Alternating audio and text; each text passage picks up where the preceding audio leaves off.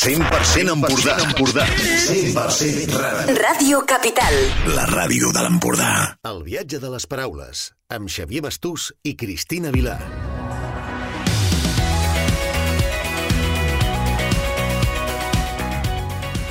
Benvinguts i benvingudes al viatge de les paraules del programa de llibres i viatges de Ràdio Capital. Som en Xavier i la Cristina de la llibreria i agència de viatges La Viatgeria. Després d'un mes d'abril intens, que ha finalitzat amb el cap de setmana de Sant Jordi, tornem a la normalitat. Potser ja heu sentit parlar prou de llibres, però nosaltres seguirem amb noves propostes literàries i de viatges.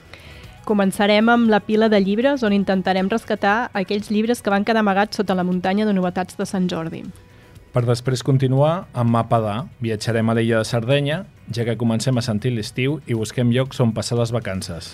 I acabarem amb la secció Sense destí, on seguirem amb els temes polèmics. Uh, si al programa anterior parlàvem del descompte de Sant Jordi, avui parlarem de l'enrenou i dels canvis a última hora en el rànquing dels més venuts.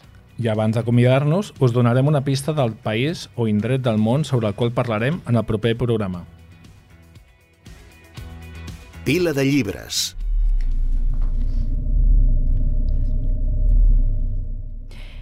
Com, com dèiem, després de passar la ressaca de Sant Jordi, podem dir que molts dels llibres que vau trobar sobre les parades o les lleixes estaven dissenyats per això, només com a, com a novetats. Proba probablement acabaran desapareixent de les llibreries sense més i, i la veritat és que és, és una pena. Si la maquinària editorial, i especialment la del màrqueting, s'inicia d'una manera boja a finals de març i principis d'abril publicant una gran quantitat de novetats que els llibreters quasi no donem l'abast, no? en molts casos no, no tenim temps de saber uh, quins són els que més agradaran als nostres clients, uh, com els podem distribuir per la llibreria, uh, al maig sembla que s'atura del tot. És com anar de vacances fora de temporada alta.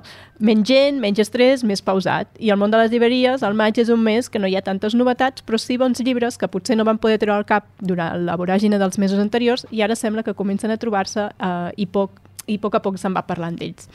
I justament avui volem parlar d'alguns d'aquests llibres. I tenim un cas curiós entre les novetats de maig, oi, Xavi? Uh, sí, jo crec que ho has definit força bé. Uh, tenim una autora que no ha volgut, uh, de forma premeditada, estar a les taules per la Diada de Sant Jordi. S'ha esperat fins al 10 de maig per presentar el seu nou llibre. L'autora és la Irene Solà i el llibre és Et vaig donar ulls i vas mirar les tenebres. Ara és, és un llibre que si aneu a la web de l'editorial Anagrama, que és qui publica aquest llibre, sentireu aquesta música que ens acompanya de fons on apareix el vídeo teaser de presentació d'aquesta nova novel·la. Com podeu sentir, ja us podeu fer una idea, més bé, més bé que una idea, una sensació d'on ens porta aquesta obra. L'autora ens durà doncs, al cor de les guilleries, a un racó amagat on trobarem el mascle vell, una masia on les dones són les protagonistes i per on hi passaran caçadors, llops, bandolers, emboscats, carlins, sortilleres, maquis, pilots de rally, fantasmes, bèsties i dimonis. Si la primera línia ja ens avançava a la primera línia del llibre ja ens avança que visitarem un univers que només sap crear la Irene Solà. Vols llegir tu la primera línia del llibre, Cristina? Vinga, va, sí. La foscor era morada, morada, morada i bellugadissa, opaca, grana i alhora blava, somjejant, pigallada, cega, espessa, fonda i brillant a la vegada. T'ha fet llegir tu perquè a mi, a mi Ja, m'ha ja. costat. doncs això és l'obra. És una primera frase que per definir la foscor fa servir 11 adjectius. Uh, L'autora nascuda a Malla, a una població que és molt propera al massís de les Guilleries, ens enfonsa en aquest món de natura i sobretot de fantasia. L'autora mm, no decideix de forma casual treure el llibre quatre anys després d'haver tret a la seva primera gran obra, sinó ve avalada per aquesta havia publicat altres coses, però ve avalada per aquesta gran novel·la que va ser un èxit, que és Canto jo i La muntanya balla. Aquesta obra, perquè dona quatre xifres, ha, venut més de 100.000 còpies en català i més de 50.000 en castellà. Ha estat traduïda a 26 llengües i a més té una adaptació a, de l'obra al teatre. És un llibre que ha funcionat molt bé al boca orella, que es manté de, de forma continuada en el, la llista dels més venuts. Els clubs, és un dels llibres que més s'ha estat fent en els clubs de lectura de biblioteques i durant el confinament va tindre molt d'èxit, tot i que no va passar el Sant Jordi que li tocaria, perquè va coincidir amb el confinament, va, va funcionar molt bé. Eh, a més a més, eh, l'autora sí que cal avisar que la, aquesta autora, la Irene, eh, crea un univers propi, que és un univers propi molt potent, que ens atrapa o ens rebutja. I no acostuma a existir un terme mig de hi ha gent, de que hi ha gent que està, està enamorada del llibre, que el llegeix una i una altra vegada i una tercera, i hi ha d'altres que, que no hi entren. Jo, tot i entendre que proposa la Irene Solà, les virtuts del seu llibre, a mi no aconsegueix atrapar-me. Clarament mm, he de dir que jo sóc els que, els que queden fora. Jo espero que aquest nou llibre eh, intentar-ho de nou, a veure si entro en aquest, aquest món fantàstic i de natura que crea, però si no, definitivament tirar la tovallola amb aquesta autora. De, de fet, és que jo tampoc, jo no l'he llegit. És d'aquells llibres que tothom et diu que has de llegir i sempre s'acaba posant un més no? Uh, per sobre i, i no, no he arribat a llegir-lo, però la quantitat de gent que ens venia dient teniu el llibre de l'Irene Solà aquests dies abans de Sant Jordi? I tu ens havies de dir, no, és que surt després de Sant Jordi. I molta gent això li es quedaven com, no, no pot ser pues sí, no? és, és correcte i és, és la sorpresa de no Exacte. voler estar per, per això. Exacte. Justament per no eh, quedar-se sepultada enmig de... que segurament no quedaria sepulta, sepultada ni desapercebuda i la gent la demanava molt. Bueno, o sigui No, que però amb aquell és, un rim, llibre... és, és un llibret un altre ritme, és diferent. Exacte. Bueno, és una joia amagada, no? I Sí. segurament n'hi ha, ha alguna més. Quina, quina ens pots dir? Sí, hem comentat abans que hi havia llibres que van creixent a poc a poc i que ara que arriba la primavera doncs trobem aquestes petites flors, per dir-ho d'alguna manera. I com sempre ho anirem explicant amb un petit viatge literari. Mm, Vale, doncs quin serà el primer destí? Doncs anirem fins a l'illa de Gozo. Enmig del Mediterrani és una petita illa de poc més de 7 quilòmetres d'ample i 14 de llarg, habitada per uns 30.000 habitants i que pertany a la República de Malta. És el destí on la nostra protagonista i la seva parella decideixen anar a passar un any sabàtic. Sabàtic, anem a posar-ho entre cometes, Mm -hmm. Ja que és un destí proper, relativament barat i on podran viure amb els pocs recursos que els hi proporciona una beca. Aquesta situació, que és l'inici de l'obra, que és una situació anecdòtica de la vida de l'autora, eh, és, eh, crea una obra que no sé molt bé com definir-la. Si és un assaig líric, una obra de ficció, un diari reflexiu o un quadern de viatges. Potser és una obra a mig camí de tot això i que ho és tota la vegada. També cal dir que últimament estan molt de moda aquestes obres que caminen a la frontera entre diferents gèneres, l'autoficció, etc. En aquest cas, el millor seria tindre dos exemples a l'Ibèria i col·locar-ne una a la secció de ficció i l'altra a la secció de no ficció, i així tots contents. I així fer una gincama pels clients, no? No, home, no, que així podrien trobar dues parts. El, el llibre en si s'estructura amb, amb un format de diari i en cada un dels seus capítols parla sobre un tema amb reflexions força potents i gens cursis. Per exemple, la primera frase del llibre diu ¿En qué momento mi vida empezó a ser accesible solo en vacaciones? Jo crec que és un tema que... Després... Sí, és un tema que tothom espera a les vacances. Mm. Eh, és un tema que després veurem que desenvolupa dintre del llibre, que però, per exemple, moltes vegades eh, comentem sobre la complexitat i la pressió de només disposar d'uns dies de, l'any per fer-ho tot. Viatjar, descansar, gaudir de la família, d'amics, fer les coses que teníem pendents, etc. I a partir d'aquest principi, eh, ella va enllaçant temes com la hiperprodu pro hiperproductivitat que ens imposem i ens imposen, quant de temps es triga a acostumar-se a no fer res, què és feina i què és esclavitud consentida, com es veu per la societat aquesta decisió de no fer res, i un llarg etcètera de petits temes i grans temes que van conformant una gran reflexió sobre el sistema productiu on estem abocats i sobre les nostres vides personals. Per acabar, també tinc per aquí apuntada una altra frase interessant que diu «Cómo he podido resignarme a trabajar y no llegar a fin de mes?»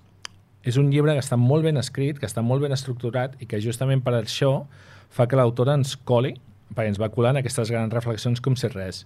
Ara que ja veiem a tocar de la... ja estem veient les vacances, ja les esperem, ja les veiem, jo crec que és una bona lectura i com que crec que no ho he dit abans, el llibre es diu Gozo, està escrit per la Zara Alonso i publicat per Ediciones Ciruela.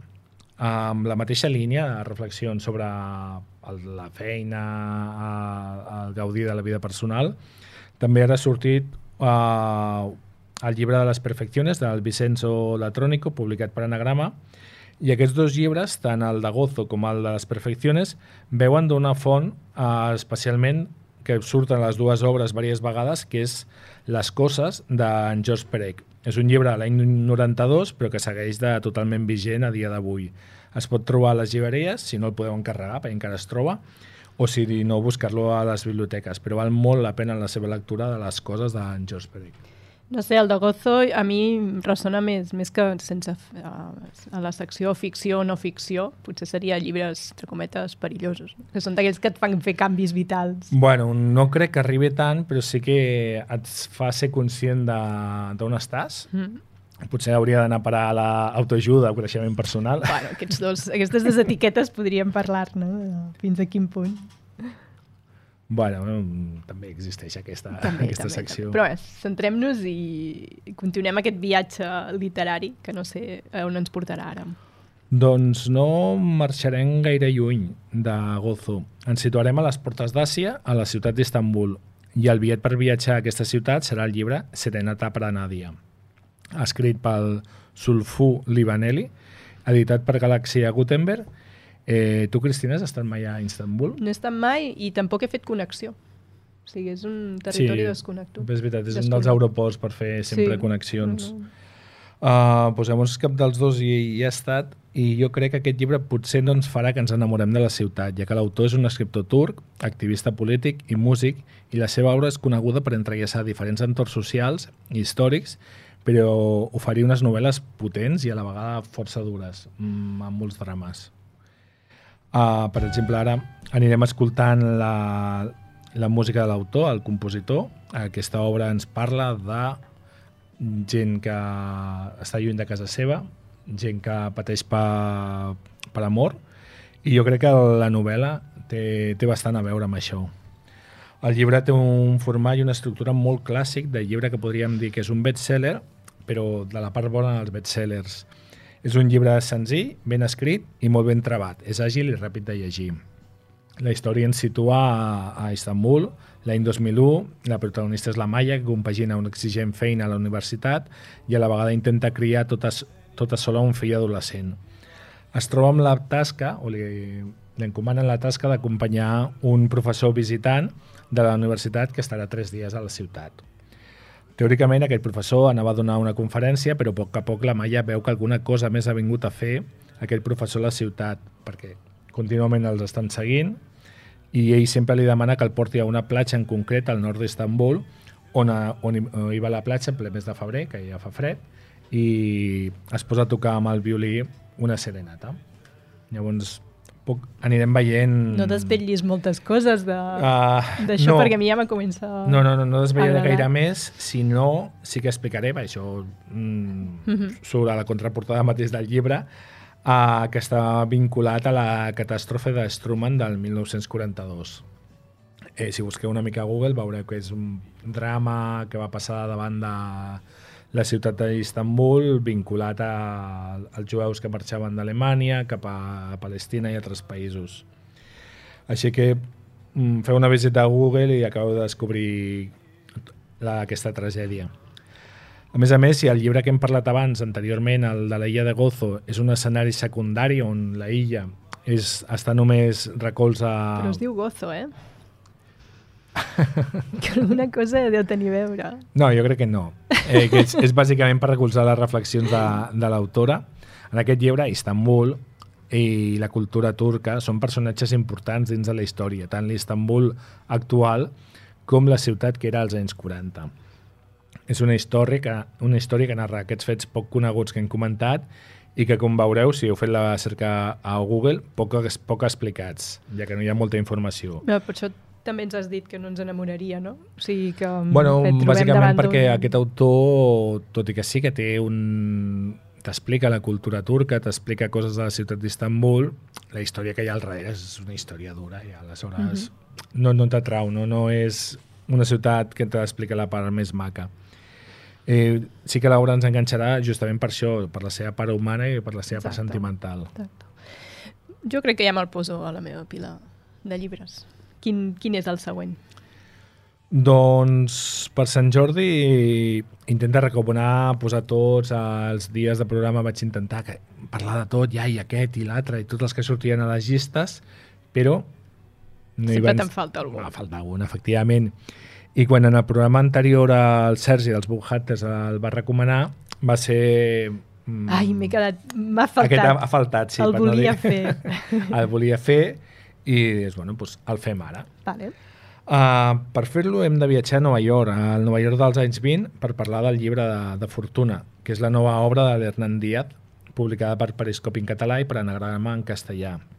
Acompanyarem a una parella adinerada, la dona és adinerada perquè prové d'una família benestant i l'home per la fortuna que ha generat eh, a Wall Street, a la borsa. Arribant a la fin dels anys 20, sembla que se'ls hi canviarà una miqueta aquesta posició que tenien, començarà a canviar i aquest principi la novel·la eh, costa d'entrar-hi, eh? Uh, vas passant 10 pàgines, 10 pàgines més i vas dient, vale, està molt bé, mm, vas veient coses però no t'acaba d'atrapar. Però hi ha un moment, hi ha un clic d'aquests que t'atrapa i ja fins al final. O sigui, Llavors- que la gent aguanti fins... Sí, no, hi Fins ha, a aquest llibres, punt? hi ha llibres que sí, que ràpidament t'enganxen o, o no, i en aquest cas jo crec que li eh, has de deixar que, Mhm. que passi unes quantes pàgines. Llavors, el llibre en si parlarà de tots els racons del capitalisme americà, la força i el poder dels diners i l'ambició com a gasolina que fa moure tota aquesta maquinària.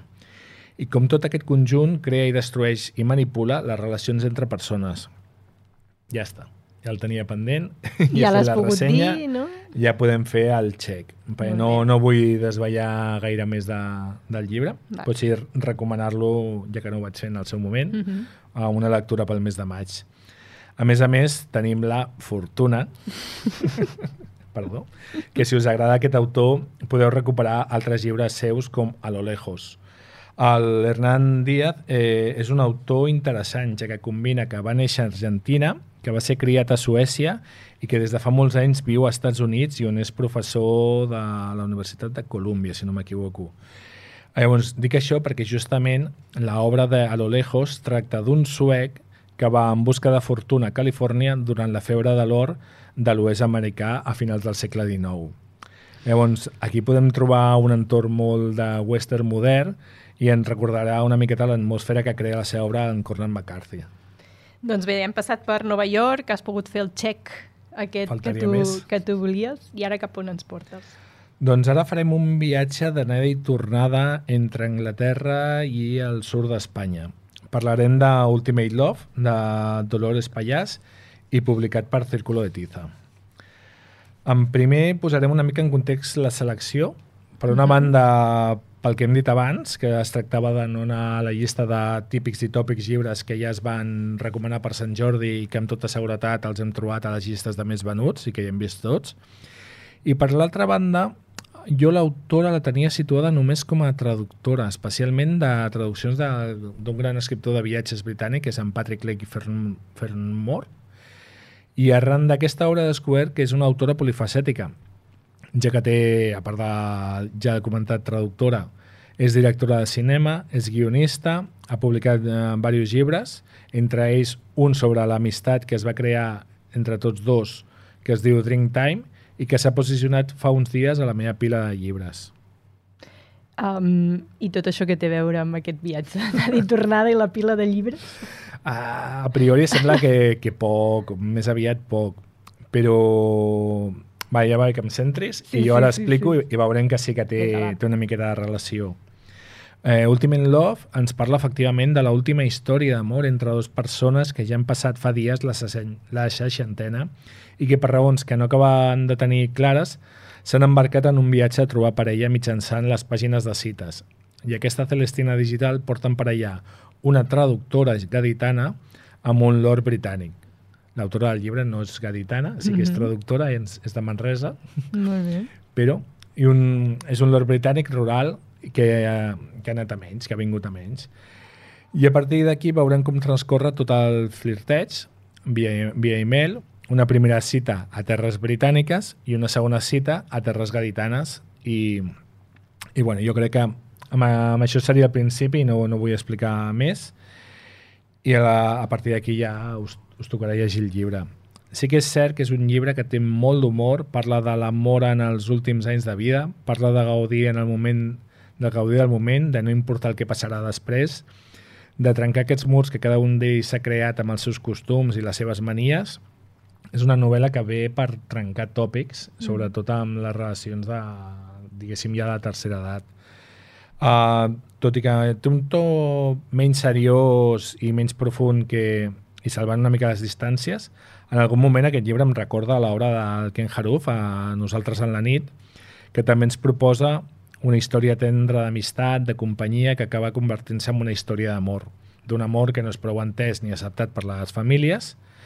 Uh, el llibre del Ken Haruf va ser escrit poc abans de la seva mort i ens dona una visió molt directa de, de la posta sol, de la necessitat de sentir-se estimat, sobretot en aquest últim període de, de la vida.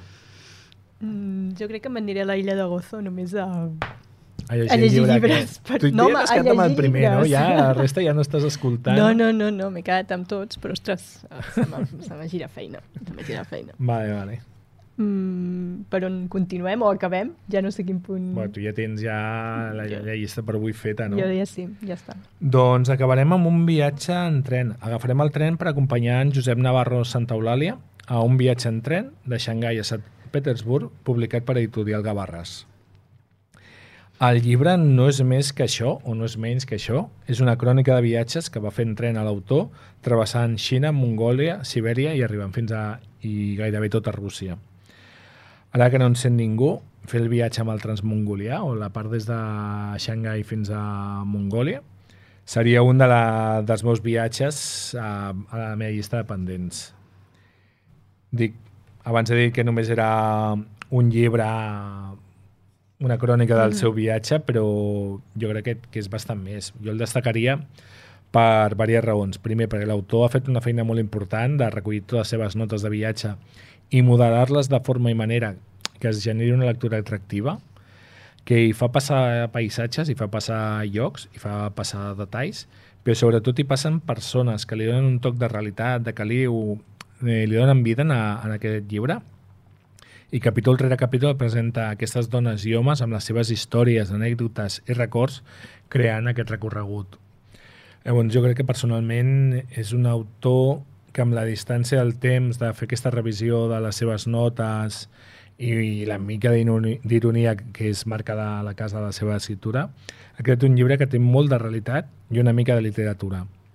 I a més, tots dins del concepte del viatge amb tren, que sempre el viatge amb tren ens dona una calma o un ritme més lent, eh, és, és diferent. Fa uns dies parlàvem de la mateixa editorial, de- d'Editorial Gavarres, del llibre L'Express de París, eh, escrit per en Xavier Fabrés, i destacàvem el mateix, destacàvem la pausa, el concepte del viatge en tren, que és un viatge molt romantitzat, el trajecte és, és el viatge en si, a vegades arribar al destí final no és tan important, i és, és un llibre que en algun moment veurem en aquest llibre, en el, en el de viatge de Xangai a Sant Petersburg, mm. de que el viatge en tren, sí, en alguns moments és molt maco, però en altres moments poder no tant. Poder quan viatja en tercera classe a Sibèria no és un viatge tan maco. Bueno, de fet, tindrem l'autor presentant el seu llibre el, el 20 de maig, si no m'equivoco. 20 de maig, sí, Em, pot ser. Vindrà a presentar-nos aquest viatge a la, a la viatgeria, o sigui que li podem preguntar tots els dubtes que tinguem i més si tu vols fer aquest viatge. Bueno, jo ja he anat fent una Ja miqueta d'anar no? apuntant no? del llibre i el vol al costat. Mira, amb el tema dels trens, uh, llenço una proposta. Vinga, va. Un dia parlar, o que ens parlis, de viatges amb trens, perquè jo crec que el Vale. viatge amb tren és com molt, molt unificador, o tothom el fa, no? Des de Mm. a la persona que fa un interrail per travessar amb Europa tipus un motxiler, a la persona que agafa l'Orient Express i creua mitja Europa amb un Sí. tren de luxe. Mm. A mi m'agrada la proposta. Mm. A més, és un mitjà de transport, podríem dir, més sostenible, no? tot i que també té la seva part de, de contaminació, però t'agafo la idea i podem parlar això de viatges amb tren, però tu et tocarà preparar la secció de llibres. Bueno, ja, ja, ja en parlem, vale? I no m'has preguntat, però jo també tinc un viatge amb tren. Uh, a mi m'agradaria sortir de casa, anar a buscar el tren i arribar fins a Mongòlia, passant per tota Europa.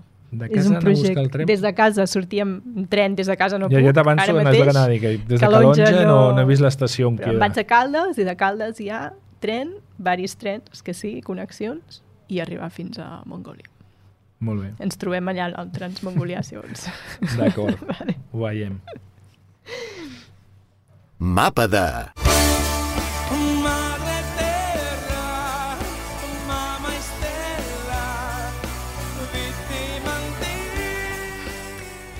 Avui a Mapa de viatjarem a Sardenya, una de les illes més grans del Mediterrani que pertany a Itàlia. Veurem una Sardenya més enllà dels anuncis d'una famosa empresa de creuers, que no direm el nom, de les platges per estar-s'hi hores prenent el sol o les grans cadenes d'hotel de la costa. Per tant, deixarem el turisme de, de sol i platja per endinsar-nos al turisme actiu i al turisme cultural. Descobrirem la gastronomia, el vi, no oblidem que estem a Itàlia, per tant menjarem molt bé, però també la part d'artesania, la part cultural i un passat mil·lenari doncs, que descobrirem a través de la, de la cultura sarda.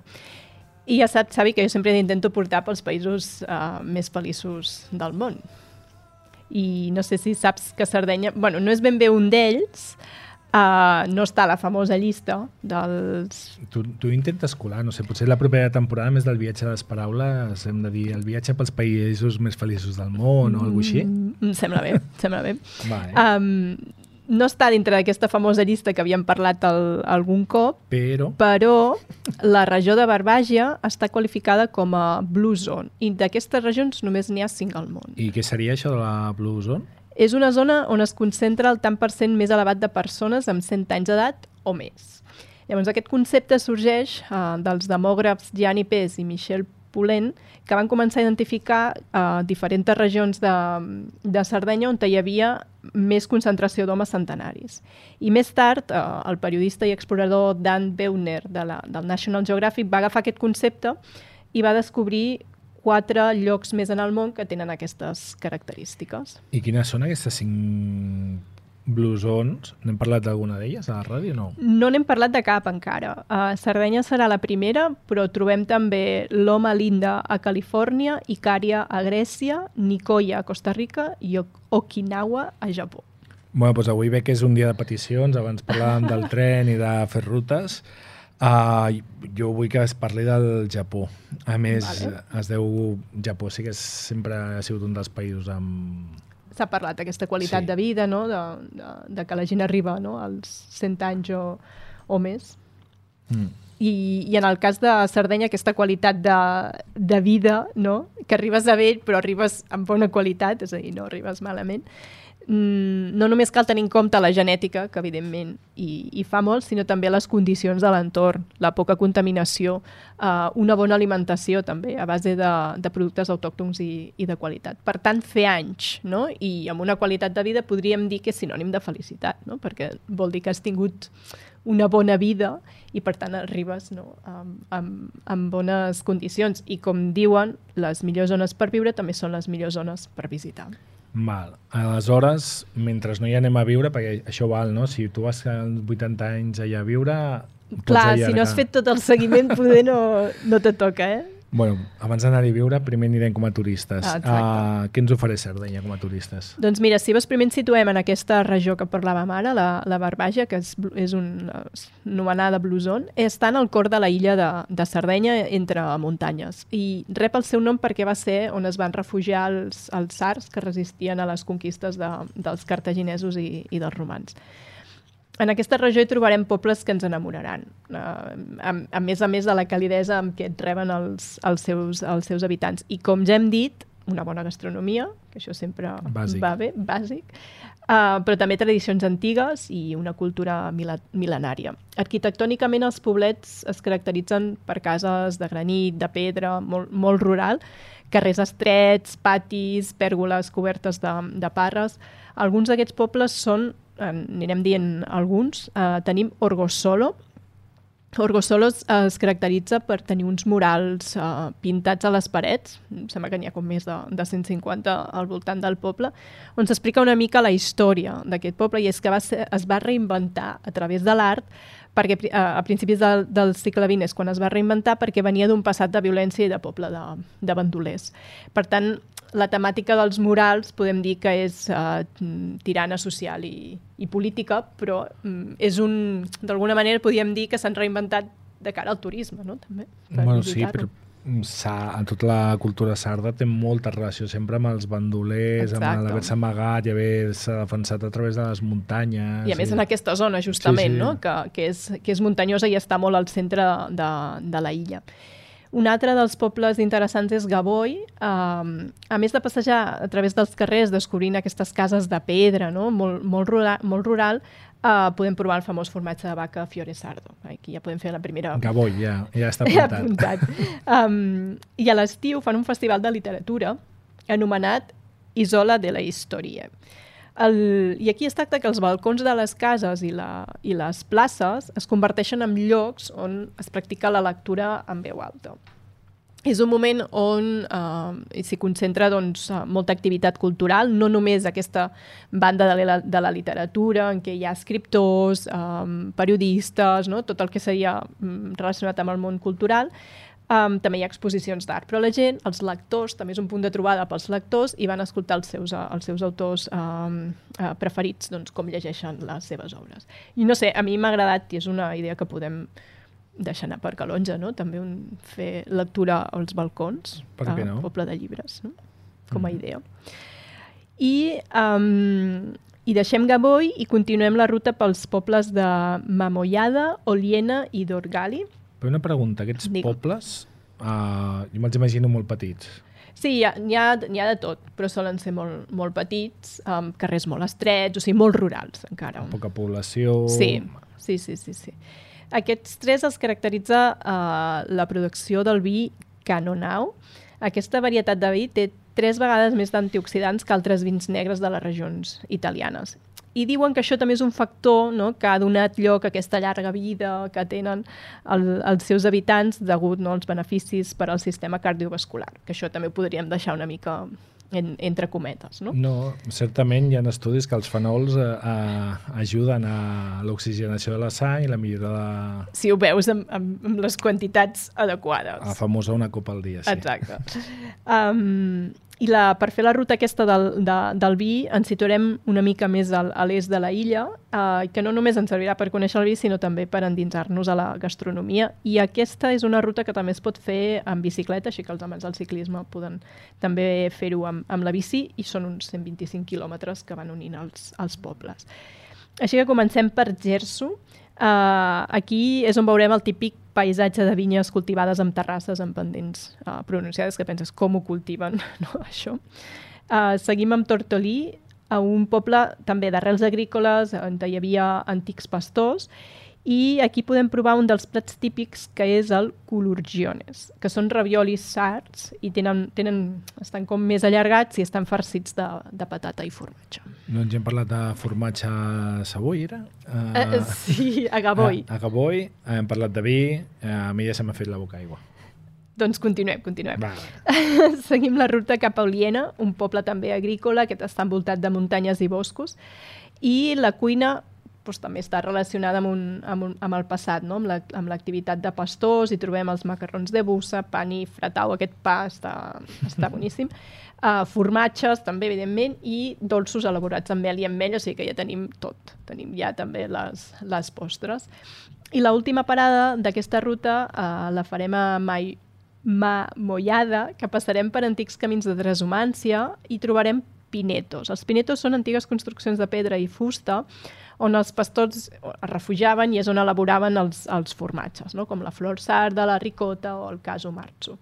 I també hi ha una forta um, tradició de carnaval rural, per si uh, si va a les èpoques de carnaval, però si no, en alguns um, hi ha museus on es poden veure exposats aquests vestits tradicionals. abans has dit que faríem turisme actiu. I cultural. Eh, I cultural. Molt bé. Uh, jo m'he quedat amb el tema del turisme actiu, després no sé si perquè tinc més fixació, només he sentit parlar de vi, de formatge, de més De vi... bicicleta, també, De, bueno, però ha sigut bueno. puntual. Sí. Uh, On, on està aquest turisme actiu? Ara, ara bé, ara bé, Ah. ara bé, perquè estem al mig del, estem al centre de la, de la illa i tenim moltes oportunitats de trobar camins per, per fer senderisme, i- però més concretament a Supramonte, aquesta zona muntanyosa eh, que va des de la muntanya del Zenargento fins al mar. O sigui, que els senders travessen bo- els boscos mediterranis i podem arribar fins a cales eh, espectaculars, passant per coves, per restes noràgics i, i aquesta veurem d'alguna manera aquesta rica tradició relacionada amb, amb els pastors. I com deia, la, moltes de les rutes arriben al mar uh, i, i el, o sigui, la recompensa és bona, no? d'alguna manera, a les hores de caminar um, acabes amb una cala d'aquestes uh, preciosa.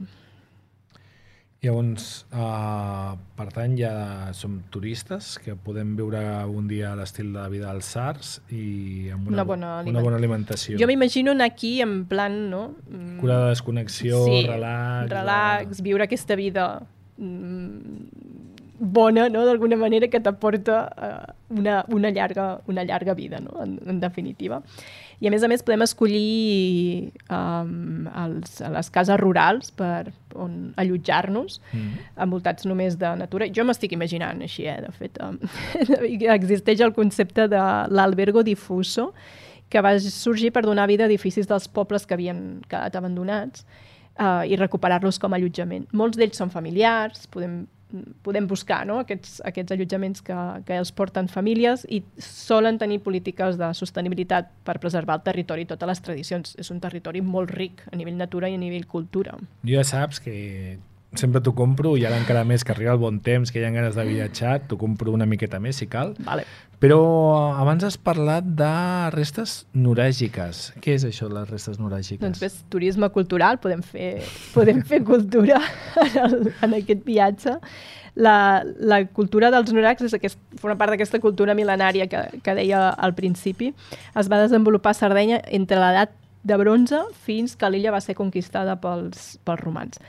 El seu element més característic és el norac, eh, que de fet són construccions exclusives de la, de la illa de Sardenya i és una espècie de, de torre que està feta amb, amb blocs de pedra sense ciment. Perquè ens puguem imaginar és una mica el, la, la pedra seca d'aquí d'aquí a Catalunya, les construccions aquestes. Sí.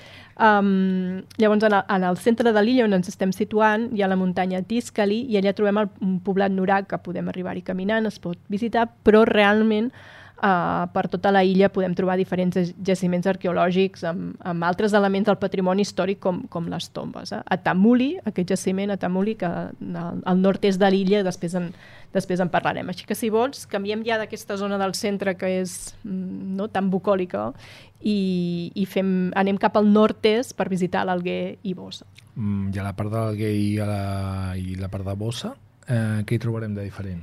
Primer la gastronomia. Important. Important, Ja, ja ja tinc que- boli, ja tinc, estic apuntant ja. Aquí, sobretot, marisc i peix. També trobem molta pasta, perquè estem, estem a Itàlia, evidentment. Um, I passem del vi canonau a la famosa malvasia. O sigui que um, ja estem provant, tenim gustos diferents, però també els paisatges també són molt diferents. Venim del centre de muntanyes, ens anem cap a la costa, penya-segats, mar blau marí, eh, grans extensions de, de, de roques, o sigui que, mm, a més a més, aquí també podem fer eh, moltes excursions eh, a través d'aquests caminets. I llavors a l'Alguer, a l'Alguer és, la, és, un, és una de les ciutats on hi ha, on hi ha aeroport i molta gent arriba, arriba a l'Alguer, I no es parla català. on diuen que es parla, No es té parla? influències catalanes, es, par es parla l'algarès, que és una varietat del, del català. I trobem alguna cosa, evidentment, típica catalana, és un poble emmurallat, poble és una ciutat emmurallada, eh, per tant és molt típica no? d'aquests eh, antics... Ens eh, estàs traient la il·lusió a tots els catalans. Ja, tots els catalans van allà per escoltar català. Sí. Però si us allotgeu a l'Hotel Catalunya, Ah, uh, busqueu... Hi ha una estelada per allà amagada, a veure si, buscar, no? si la trobeu. Sí, sí. Doncs a l'Alguer podem visitar el centre històric, com deia, la muralla, aquests carrers empedrats, petits palaus, i, i si podem buscar una, una vista des d'un punt alt, podrem apreciar les taulades uh, vermelles de la, de la ciutat. Realment és, és bonic. L'Alguer és un lloc que val la pena que val la pena visitar i la seva costa també. Ja hem dit que ens allunyaríem una mica del que és el, el que és propi el turisme de sol i platja, però la veritat és que la costa es pot visitar també sense, sense estar allà, no? estirats uh, prenent el sol. I en el cas de l'Alguer, la, seva, la, la costa eh, té una extensa colònia de coral. De fet, moltes botigues de, de l'Alguer i d'aquesta zona estan plenes de joies fetes amb, amb coral. I, i el, cal dir que és un recurs protegit, que està protegit per evitar la sobreexplotació, al final és un, és un recurs natural, mm. I, i hi ha llocs on et venen fals coral, llavors s'ha d'anar molt en compte. I, I a més a més tenir en compte també que estem comprant alguna que, que està afectat d'alguna manera per l'amenaça del canvi de temperatura del mar i la contaminació. Per tant, Doncs- ser molt conscients de- Gairebé recomanar que anem als formatges i al vi i no comprem coral. Sí, i, i formatge i vi local, productor local, i, i sí, sí, sí, exacte. I molt a prop trobem el, el Parc Nacional de Porto Conte, que ens regala penya-segats que desemboquen aquest blau marí, que, de, aquest mar de color blau marí que us deia.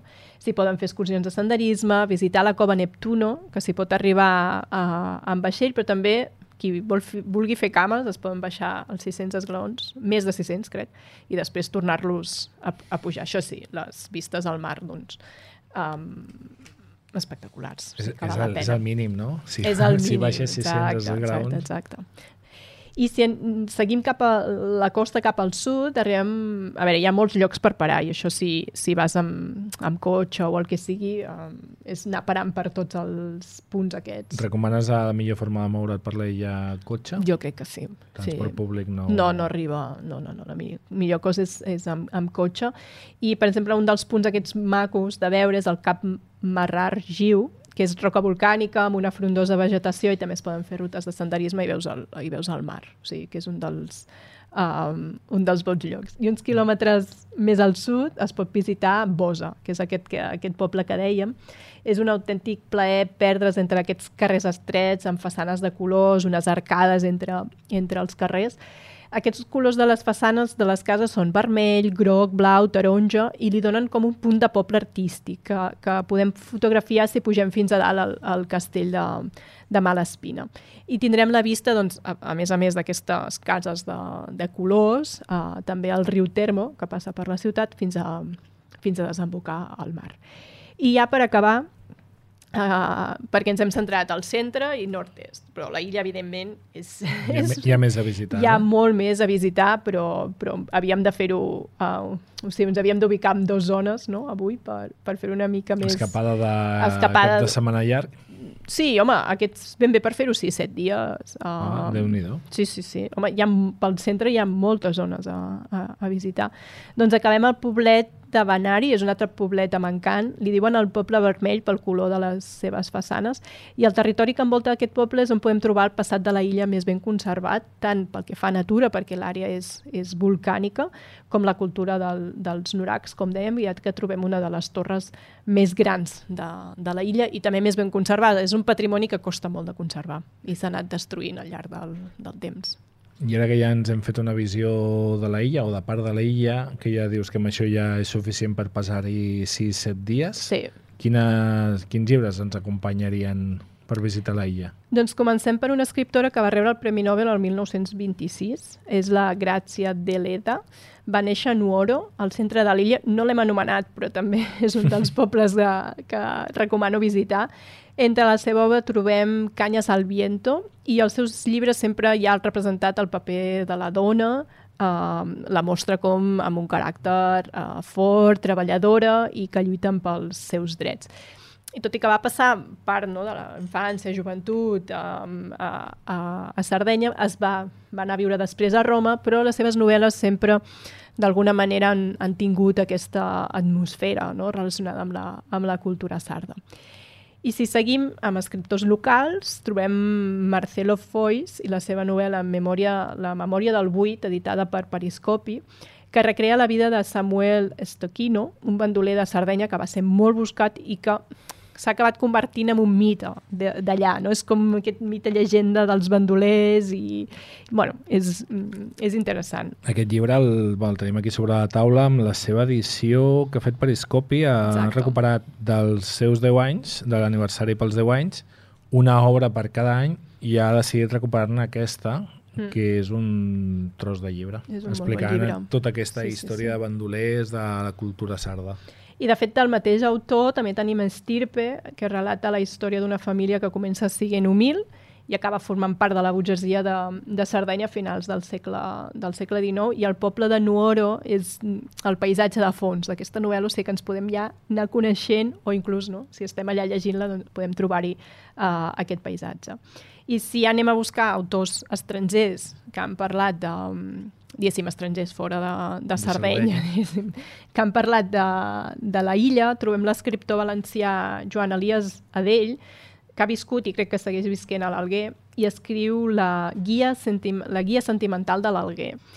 És, um, d'alguna manera, fa un retrat humà, cultural i paisatgístic de la ciutat. Per tant, és una bona guia alternativa, d'alguna manera, a les guies convencionals que, que coneixem. No? O sigui que si algú ens ve a demanar me'n vaig a l'Alguer, mm, recomana'm una guia, aquest és un, aquest és un bon llibre per, per, per, per anar més enllà no? del que puc fer, què puc veure, sinó que ja conèixer la, la cultura. Hi ha una petita col·lecció d'aquests, de, de les guies mm. sentimentals, de l'Alguer, de, de tres jocs, on hi viuen, han viscut o han nascut alguns autors que, que fan relats i mm. és força maca i uh, acabem amb un llibre de literatura de viatges escrit per David Herbert Lawrence. Uh, el va escriure el 1921 i s'ha traduït fa poc al, al castellà.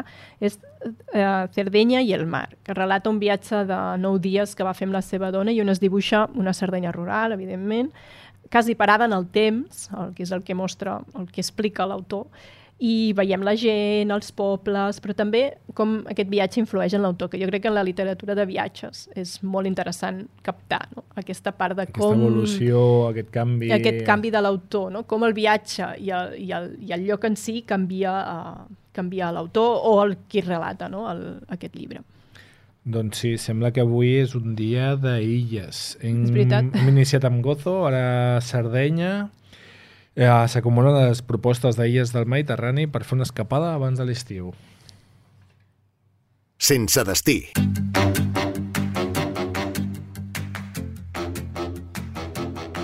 Doncs en aquesta secció la vam crear amb la intenció de recomanar llibres que a hores d'ara estan una mica perduts entre les lleixes, agafant pols, o que per algun motiu o altre tornen a estar d'actualitat. Però, parlant d'actualitat, ja vam fer un petit salt la setmana passada i vam estar explicant i parlant, bueno, la setmana passada, l'últim programa, del descompte de Sant Jordi i per què es feia i per què no es feia. I ara parlarem d'un nou tema que també hi ha certa, que és de certa actualitat, que és la llista dels més venuts per Sant Jordi, que seguint la màxima de que l'actualitat va per davant de qualsevol altre tema, en per parlarem. tant, canviem la secció sense destí amb... per secció de polèmiques. Sí, alguna cosa així com amb polèmica. Amb polèmica. Haurem de canviar la falca, però jo crec que no, que és, és, són temes que és una miqueta per explicar coses... Bueno, és, i... que, és que estan a l'actualitat, estan al... són temes del dia. Sí, no, no és la intenció entrar en merders contínuament, però sí que almenys donar la nostra opinió. Aquests últims dies hem vist com existia una estira i arronsa entre els llibres més venuts. Primer ho era la Gemma Ruiz amb Les nostres mares i després va passar a ser-ho en Xavier Bosch amb 32 de març. Uh, el mateix passava amb els llibres de no ficció, on queia el primer lloc els nois de la Sotana, amb la gran enciclopèdia del Barça, i pujava en aquest primer lloc en Xavier Saler Martí amb, amb, de, Sabana, amb de la Sabana a, a Mar. I ara mateix que ho he mirat a, a, res, una hora abans de començar el programa, i tornaven a existir canvis i no estava encara clara 10 dies després de Sant Jordi. Llavors encara no són definitives aquests, aquest mm. rànquing i aquests números uns. Uh, a més, a Centrauqueu no són les mateixes dades que està donant Llibre Red, amb GFK, les de la Cambra del Llibre, eh, es qüestionaven totes entre si, o sigui, Vale, però abans d'avançar, si vols, explica'ns, um, pels que no hi entenguem, què és això del Libri Red o el GFK, que a mi em sona a nom d'aeroport. Bueno, segurament és un aeroport. Després mirem a... Quina... Segur. Ara, ara ho busquem. Ara busquem. eh, que és un aeroport, però també és altres coses. Eh, per resumir-ho molt, i primer fem el Libre Red, Uh, LibreRed és un software que depèn de CEGAL. CEGAL és uh, la Confederació Espanyola de Gremios i Associacions de Libreros, que agrupa, si fa no fa, unes 1.100 llibreries de les 3.000 llibreries que hi ha a tot, es- a tot l'estat espanyol. Aquestes 3.000 llibreries no es tenen en compte altres punts de venda de llibres com poden ser a supermercats, benzineres, etc. I, per exemple, a dintre de CEGAL no està el Gremi de Llibreters de Catalunya, però sí que 178 llibreries de les 500 més o menys que hi ha a tot el territori sí que cedeixen les seves dades de ventes en, a, en aquest llibre red. Això de, de Catalunya, aquestes... De Ah. les 178 llibreries, Sí, de Vale. les més o menys 500 que hi ha Vale. a Catalunya, 178... 178 uh, est estan cedint les seves dades de ventes a, a, a CEGAL, Uh -huh. que a través del LibreRed, que és el software que gestiona tot això. Per tant, aquest software eh, recull les dades diàries de, de les vendes de les 1.100 llibreries de tota Espanya, les barreja una mica perquè a priori ningú pugui tindre la informació directa de les vendes d'una llibreria en concret, sinó que em sembla que les està juntant per província, llavors ens trobem amb algunes províncies... No, a Catalunya em sembla que és per comarca. Vale. Llavors ens trobem amb algunes comarques que només hi ha 4 o 5 llibreries que estan donant dades, però Uh -huh. si et posessis molt al detall sí que arri- podries arribar a treure bastanta informació, però no és aquest l'objectiu, sinó és tindre un, una mostra de, del que s'està venent. Aleshores, uh, aquestes dades es, es, es, es barregen una miqueta Uh -huh. i uh, s'ofereix aquest informe dels llibres més venuts. Vale. Uh, tot I això... teníem l'altre, no? El, el GFK, o sigui, Sí, hi ha el bueno, LibreRed. Apuntar que amb el Libre Red, més o menys, amb aquestes 1.100 llibreries, s'està donant la informació, perquè hi ha llibreries grans, Uh -huh. s'està donant la informació del 50% dels llibres venuts en tot el territori. O sigui, no tenim tota la informació, però sí que és una mostra suficientment important. I per l'altra banda tenim a l'aeroport, que deies tu, no? el GFK, doncs és una consultoria. És una consultora que genera un informe sobre els més venuts. També ho feia Nielsen i em sembla que ho segueix fent. Però uh, aquí hi ha una diferència important que si bé l'anterior LibreRed uh, per la gent que cedeix, les llibreries que cedeixen les seves dades és totalment gratuït, pels agremiats és parcialment gratuït, em sembla que té un cost que no arriba als 200 euros anuals per tindre la informació dels més venuts i de qualsevol títol a les ventes que s'està fent a nivell nacional, a diari. I després hi ha informació que és pública, que tu pots anar a webs com Todos tus libros o a la Gremi d'Editors, on s'estan publicant setmanalment a, aquests, a aquests rànquings. I per l'altra banda hi ha la informació de les consultories, que tenen un cost més elevat i que habitualment només estan comprant aquesta informació a les grans editorials. Vale. Llavors, són jo d'alguna manera diria que són informes que es fan les aquestes consultores per les grans editorials. I, bueno, tota aquesta informació, els més venuts i tal, si ho posem en context, els 10 títols més venuts d'aquest últim Sant Jordi no suposen ni el 8% de la xifra de llibres totals venuts aquest dia. Aleshores, eh, és, és, és, Clar, import, és important la llista de, de més venuts. Des de molts sectors del món del llibre estan fent una crida per eliminar aquesta llista, per evitar que es- que s'associ, que és una miqueta com, com més esportiva, més de rànquing de ventes, mm -hmm. a, al primer classificat, a, per treure una miqueta del món literari, i per això avui doncs mira, farem una miqueta de 5 cèntims i veurem on va néixer aquesta llista de més venuts, quan, on i per què. Vale. Com és imaginable, tot el tema de màrqueting, tot el tema de ventes, es va crear als Estats Units, i més concretament a la ciutat de Nova York, i més concretament la famosa llista del New York Times, del diari. Aquesta llista va néixer a octubre de 1931 i tot i que anteriorment a Londres va existir, a final del segle XIX, va existir una llista que es deia el Bookman. Tot que no es troba gaire informació i de les primeres vegades que es va penjar no hi ha, no hi ha registres, no, no se sap quins eren. Llavors, el, la, al principi la llista de vendes era només de les llibreries de la ciutat de Nova York, però a poc a poc es van anar afegint altres ciutats i al final es va donar una visió global de tot el, de tot el país, de tots els Estats Units. Aquesta llista, en poc temps, es va convertir en un referent, tot i que tenia un, com qualsevol llista de ventes, tenia una gran quantitat de punts dèbils.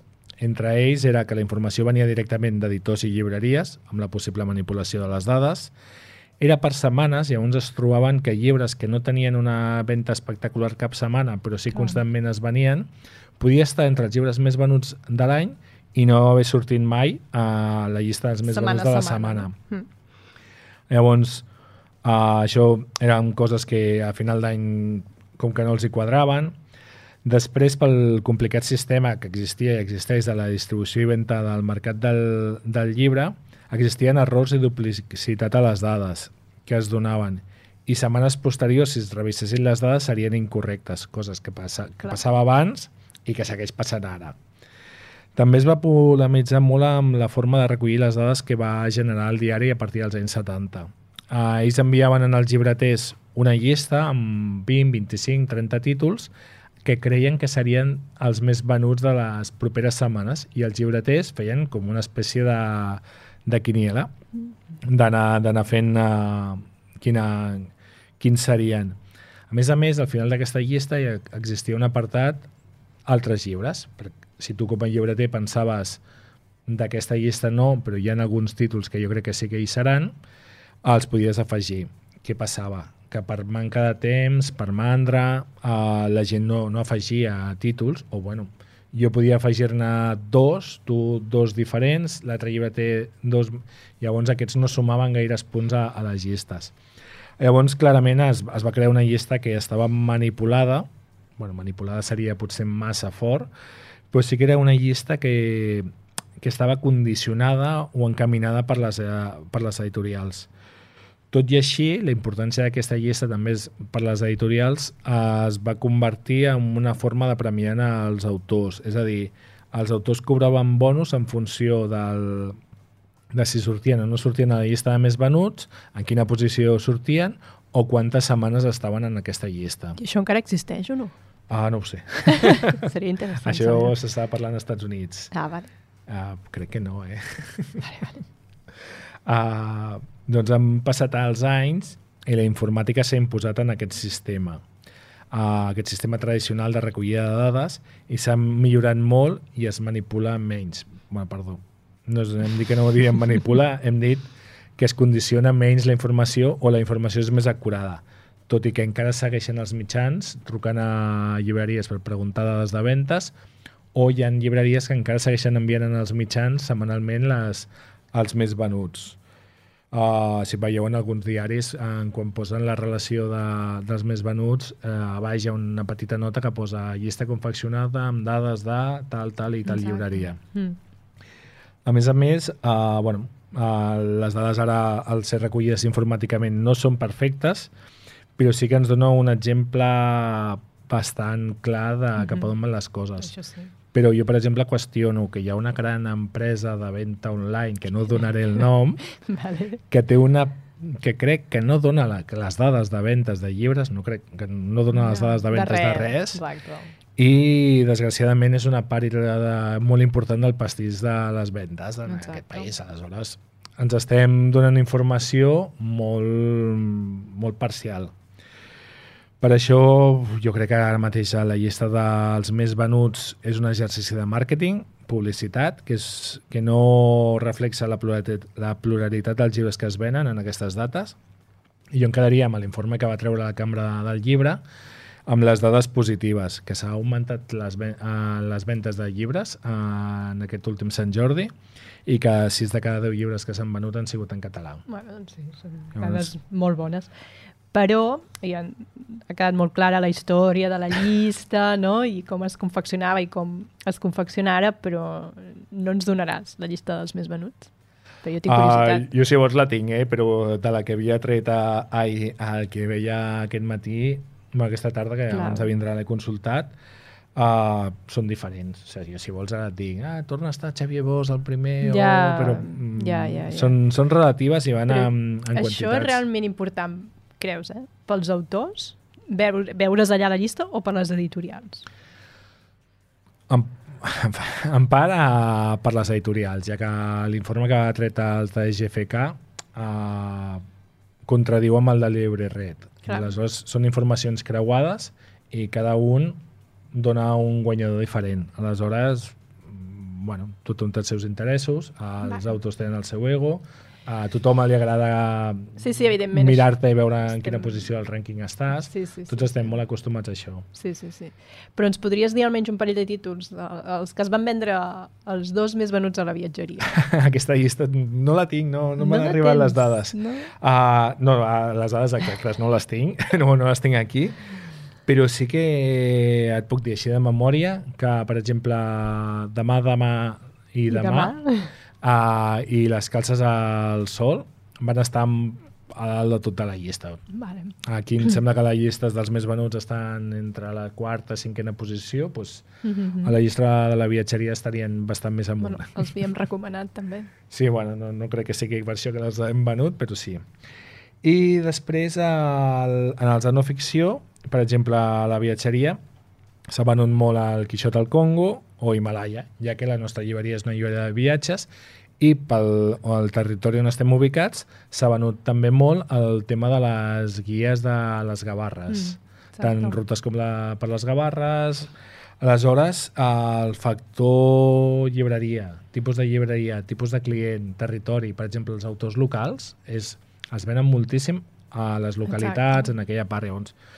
No acaben de sortir mai en aquestes, en aquestes llistes. No, les llistes de més venuts de cada una de les llibreries de Catalunya seria, o aquesta és la gràcia, que si- siguin força diferents.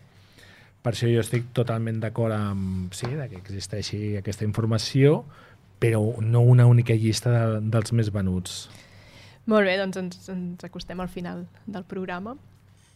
Sí, ens estem ja acostant al final i si arribem al final ens toca ens donis la pista pel país de la propera setmana. Vale, doncs el, com que el, el proper programa continuarem amb els, amb els viatges, amb, uh, seguint, descobrint nous llocs i anirem, ens hem quedat, a, avui ens hem quedat a Proc, a Sardenya, anirem més lluny i és un lloc que, hem- que hem anomenat uh, durant el programa d'avui. Què hem parlat avui? No em diguis Sí. que farem el Transsiberià? Quasi, No, però ja hi... però quasi. Ok, vale, doncs amb aquesta pista acabem el viatge a les paraules d'avui. Recordar-vos que sempre que pugueu compreu els llibres a les vostres llibreries de proximitat i no feu cas a les llistes dels més venuts. Moltes gràcies per acompanyar-nos i per escoltar-nos, sobretot. Esperem que, que us hagi servit d'inspiració. Gràcies a l'equip de Ràdio Capital podeu escoltar els podcasts dels programes a la, a la seva web i ens podeu trobar a les xarxes socials com la viatgeria o venir-nos a visitar a Calonge, al carrer de la Rutlla número 12, on us podem recomanar llibres i destins per viatjar. Moltes gràcies i fins al proper programa.